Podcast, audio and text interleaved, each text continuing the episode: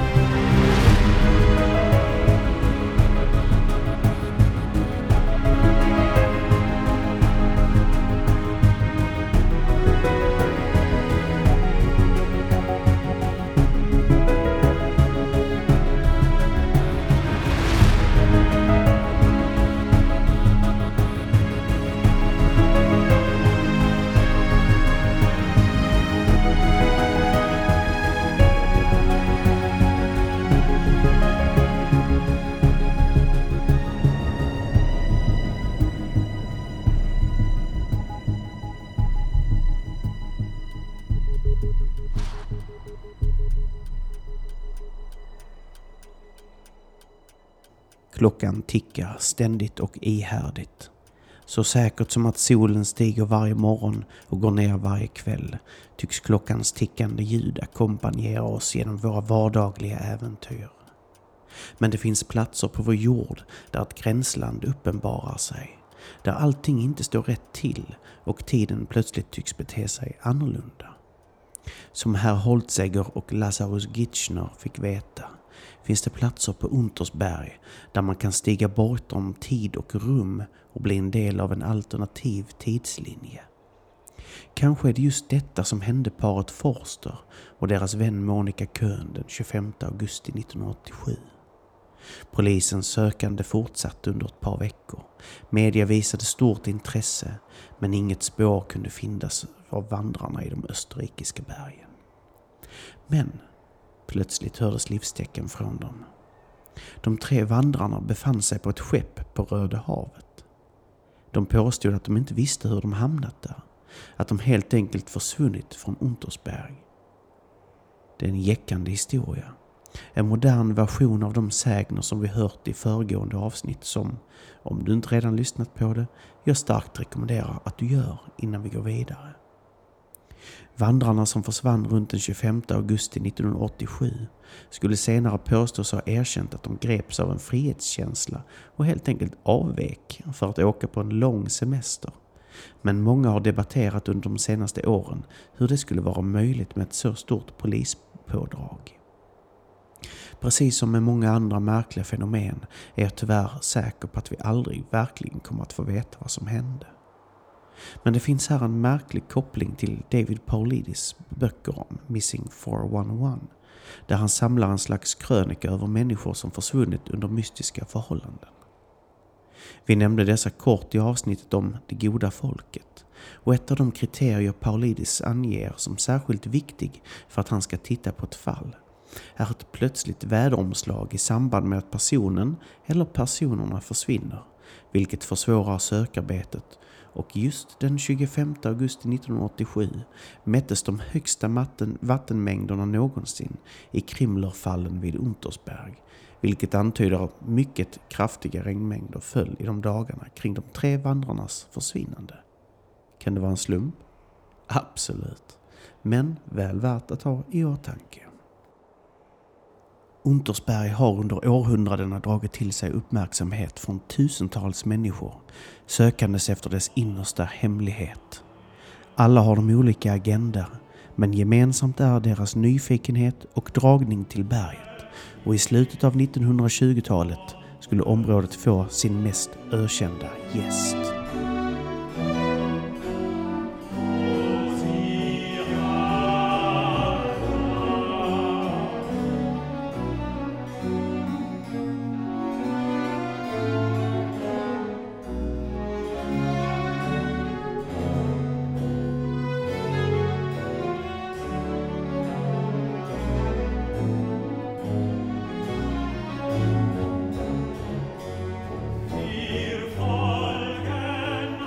På Obersalzbergs norra sluttning, blickandes ut över Berchtesgaden och Untersbergs södra sida, låg en gång en pittoresk alpstuga som kallades Haus Wachenfeld. Den hade byggts 1916 av en bankir vid namn Winter som döpt stugan efter sin frus familjenamn. 1927 hyrde stugan ut till en då 38-årig Adolf Hitler som befann sig i området för att besöka sin vän och av många kallad mentor Dietrich Eckart Hitler sägs ha blivit så förtjust i området att han några år senare köpte Haus Wachenfeld och gjorde det till sitt andra hem. Med hjälp av arkitekten Alois Digano byggde han snabbt om den pittoreska alpstugan till vad som skulle bli känt som Berghof, ett massivt administrativt komplex som i sitt slutskede omfattade ett stort antal byggnader och även hem för Hermann Göring, Martin Bormann och Albert Speer. Berghof bombades av engelska Lancasterplan den 25 april 1945 och idag finns endast ett fåtal sten och betonggrunder kvar på den övervuxna sluttningen. Men vad som är slående när man granskar placeringen av byggnaden och dess huvudsakliga fönster som blickade ut över dalgången och Berchtesgaden var dess fokuserade blick mot Untersberg. Hade bankiren Winter såväl som Hitler dragits till berget likt så många andra på grund av dess majestätiska vidd? Eller fanns det en djupare anledning till att han valde just detta som sitt hem och andra administrativa högsäte? Från 1800-talets andra hälft fram till 1930-talets början växte en stark esoterisk tradition fram bland den tyska eliten. Den tog många former, både en kristen form där fokuset låg kring kyrkan och de hemligheter de tycktes dölja för den oinitierade. Samt en mer hednisk form där runor och trolldom tog stor plats. I den förunderliga naturen kring Untersberg växte tradition på tradition fram som ett esoteriskt uttryck av folkets upplevelser av en värld de många gånger inte kunde förstå sig på. Träd som växte annorlunda, antika ruiner från romartid eller äldre, Naturliga källor i berget eller ristningar i sten väckte en ny värld till liv där något som vi idag kan se som naturligt och självklart fick en övernaturlig innebörd och historia tillskriven sig. De underjordiska gångar och grottor som människor i området fann runt Untersberg ledde med säkerhet till berättelser om små svartalver som bodde i berget och hur de tjänade den legendariska kejsaren som en vacker dag skulle vakna till liv när hans folk behövde det. Detta var historier som Adolf Hitler givetvis var bekant med. De var och är en del av traktens levande historia och vare sig han trodde på sägnernas profetiska natur eller inte är oklart. Men vad som är säkert är att detta tillsammans med områdets oerhört vackra natur måste ha fångat hans uppmärksamhet likt många andras.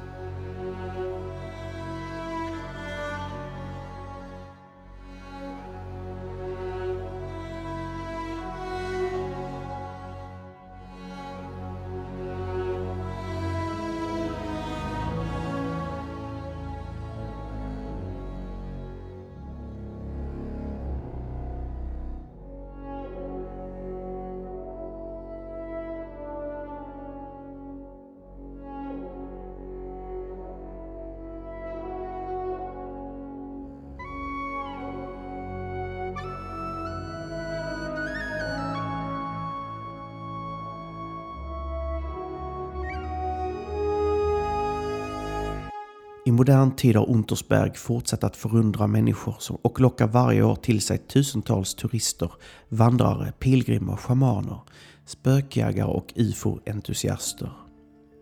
En av dessa är Mario Rank som driver kollektiv.org, en organisation och tillika Youtube-kanal som varje år anordnar seminarier och träffar för människor som forskar kring områdets mytomspunna historier och de fenomen som rapporteras där.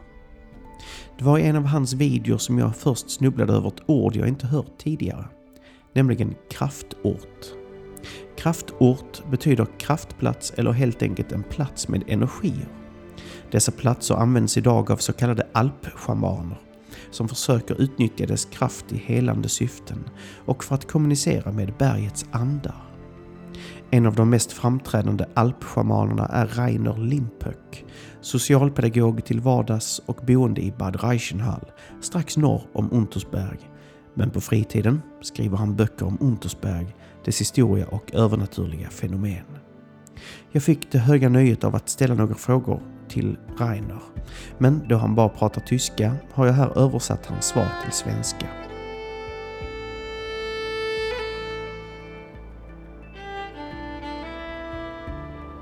Herr Limpök, vill du berätta för våra lyssnare om konceptet bakom alpenshamanismus och hur du kom att finna dig i rollen som alpshaman? Shamanism i alpregionen har ingen konsekvent tradition. Det har bara överlevt i periferin. Idag finns det fortfarande den så kallade vändaren som har bevarat forntida helande kunskap. Vändning betyder en sjukdom i den goda kroppen och innebär att vända någons hälsa till det bättre med lämpliga trollformler och ritualer. För många år sedan undersökte jag schamanska traditioner utanför alpregionen. Särskilt den sydamerikanske schamanen Carlos Castaneda och hans lärare Don Juan de var ledande personer för mig. Det var emellertid först i mitten av mitt liv som jag insåg att de var exotiska och inte hade någon relevans för mitt hemland. Genom en speciell upplevelse i vildmarken och ensamheten hittade jag schamanska människor i min region.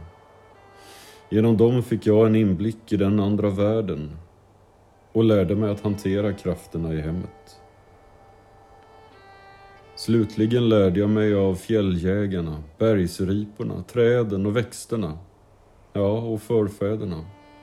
Jag insåg att termen alpin shamanism innebär en möjlighet att få tillbaka en gammal tradition och ge den ett nytt liv. Jag grundade Alpine Shamanic Network och hittade många schamaner i Alperna. Med min ökande kunskap identifierade jag mig slutligen med alpin shamanism och blev själv en alpin schaman. Untersberg har en speciell magnetisk egenskap. Sedan jag besökte området 2019 kan jag inte sluta tänka på det. Det verkar som att en del av berget stannade hos mig och en del av mig stannade hos berget. Du har kallat Untersberg för ett heligt berg, ein heiliges Berg. Vad är det som gör Untersberg så speciellt? Det är resonansfenomenet som gör att vi kan komma nära detta berg. Berget verkar kalla till oss, för det har ett meddelande till oss människor. Det är fredens budskap som är så viktigt för oss. För det måste vi känna igen oss själva först. Och berget erbjuder oss sin spegel. Vi kan finna oss själva i det. Det är ofta konstiga upplevelser, sammanfall, synkroniciteter, analogier, paranormala fenomen, möten med varelserna i den andra världen som låter oss titta in i våran egen själ. För många människor lämnar aldrig den känslan. En process av rening börjar, inom och utanför. Med dessa upplevelser känner vi igen naturens helighet och därmed bergets helighet. Vad är en kraftort och hur kan man identifiera den? Kraftplatser är platser på vår moder jord som låter oss se denna planetens betydelse för oss. Dessa platser ger oss möjlighet till läkning, initiering, självupptäckt upplysning. Men vi har glömt naturens språk och det är inte lätt att lära sig det språket igen. Jag följde de gamla sagoböckerna. Platserna är lokaliserade och beskrivna i dem. De varelser som bor där introduceras som jättar, dvärgar, nissar, spöken, gudar. Det är också möjligt att återupptäcka dessa maktplatser med intuitionen. Ceremonier och ritualer och offergåvor kan också vara till hjälp. I geomantiken mäts krafterna med så kallade Bovidens enhet. Landskapsmytologin möjliggör också en djup förståelse av maktplatserna. Kan du förklara innebörden av den pilgrimsfärd som varje år äger rum runt Untersberg? Pilgrimsfärderna runt Unterberg är en eh, kristen kult. I 20 år har pilgrimer gjort en pilgrimsfärd medurs runt Unterbergs till Höga Fruns dag, alltså Maria himmelfarare, och besökt några av de gamla gudstjänsterna som har överlämnats från en gammal legend. Pilgrimerna ber genom pilgrimsfärden för att lösa in det som är bundet i sten. Det är avsett att befria gamla själar så att de kan hitta vägen hem till ljuset. Berget kallas också Ljusets berg. Du medverkade nyligen i en dokumentärfilm av Walter Steffen, Alpgeister. Kan du berätta hur du blev involverad i projektet? Och eh, hur har filmen påverkat dig och ditt arbete? Filmen är ett bra exempel på resonansfenomenet.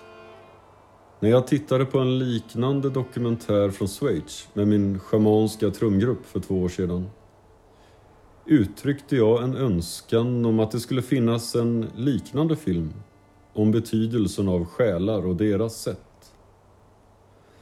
Betydelsen av magi i vårt hemland och om andarna och hur vi ger och tar av varandra. Några veckor senare ringde Walter Steffen till mig och bad om mitt samarbete. Det var faktiskt Untensberg som arbetade åt mig i bakgrunden. Det blev ett ledmotiv i början av filmen och även vid dess mystiska slut. Jag kunde inte ha föreställt mig det vackrare. Plötsligt blev den gamla moden till bergen, Percht, ett husnamn igen. Precis som hennes prästinnor, veten Många tittare kände igen en gammal sanning som slumrade inom oss människor. magi har blivit populärt igen. Och det känns igen. Mitt alpina schamanska arbete har också fått betydelse. Jag är väldigt glad över det. Det verkar som om en förändring i medvetandet. Vill du berätta för oss om dina böcker och var folk kan hitta mer information om dem? Jag ser mitt stora ansvar gentemot Moder Jord i mina facklitterära böcker och vandringsguider. Med tiden förstördes många gamla maktställen och platser för tillbedjan eftersom de stred mot människors intresse såsom jordbruk och skogsbruk, bosättning och vägbyggnad. När jag pekar på dessa platser ger jag inte bara orientering utan jag pekar också på kraften. Varelser och andar som arbetar där. På så vis får de gamla platserna en ny lobby och någon som lyfter fram dem. Det finns fler och fler mänskliga beskyddare på dessa platser. Vi bevarar våran kultur. Vi återupplivade traditionen, våran andlighet. Det heliga Untensberg löper som en tråd genom mina böcker. Jag ger tips om hur man använder denna magiska bergspegel och jag berättar verkliga, underbara historier. Världens förtrollning börjar vid Untensberg, det är mitt motto. Jag inbjuder varje år att träffa de alpinska schamanerna. Det är ett gratisevenemang med ceremonier, ritualer, workshops, berättelser och musik. Jag håller många föreläsningar, mestadels i min hemregion. Och jag leder alpina schamanskgrupper där alla kan få en inblick i den andra världen. Det finns också ett Untensberg seminarium varje år och Alpine Shamanic Rauhnacht i Saltgruvan i Berchtesgaden. Ett evenemang som nu blivit en tradition. Ett stort tack till herr Limpök för att han ville vara med i podden. Och ett stort tack till min vän Anders Nilsson för att han läste in Reiners svar här. Untersberg är verkligen en magisk plats. Det skulle kunna göras hundra avsnitt om berget och dess sägner och fenomen. Men för min del finns det något som måste göras först. Att återvända dit. Det är min tro att det är genom människors upplevelser och möte med det gudomliga och det övernaturliga som vi får en glimt av en sanning som vilar bortom allt det vardagliga. Och då dessa två första avsnitt om Untersberg byggt på just mina upplevelser ser jag fram emot att en dag få bygga vidare på detta och berätta allt om det för er. Vem vet? Kanske lyssnar du på detta avsnitt några år efter att det släppts och vi kan än en gång resa och röra oss fritt igen efter den rådande pandemin. Kanske ses vi till och med där uppe på 1853 meters höjd i skuggan av korset på Salzburger Hochtron och njuter av den vidunderliga utsikten och vetskapen av att vi befinner oss vid Europas hjärtchakra, Untersberg. Du har lyssnat på Folkpodden säsong 4 avsnitt 1 Sagor från Untersberg del 2. För att läsa mer om Untersberg, Rainer Limpöck och mycket annat, se länkarna i beskrivningen till detta avsnittet. Så hoppas jag att vi hörs snart igen.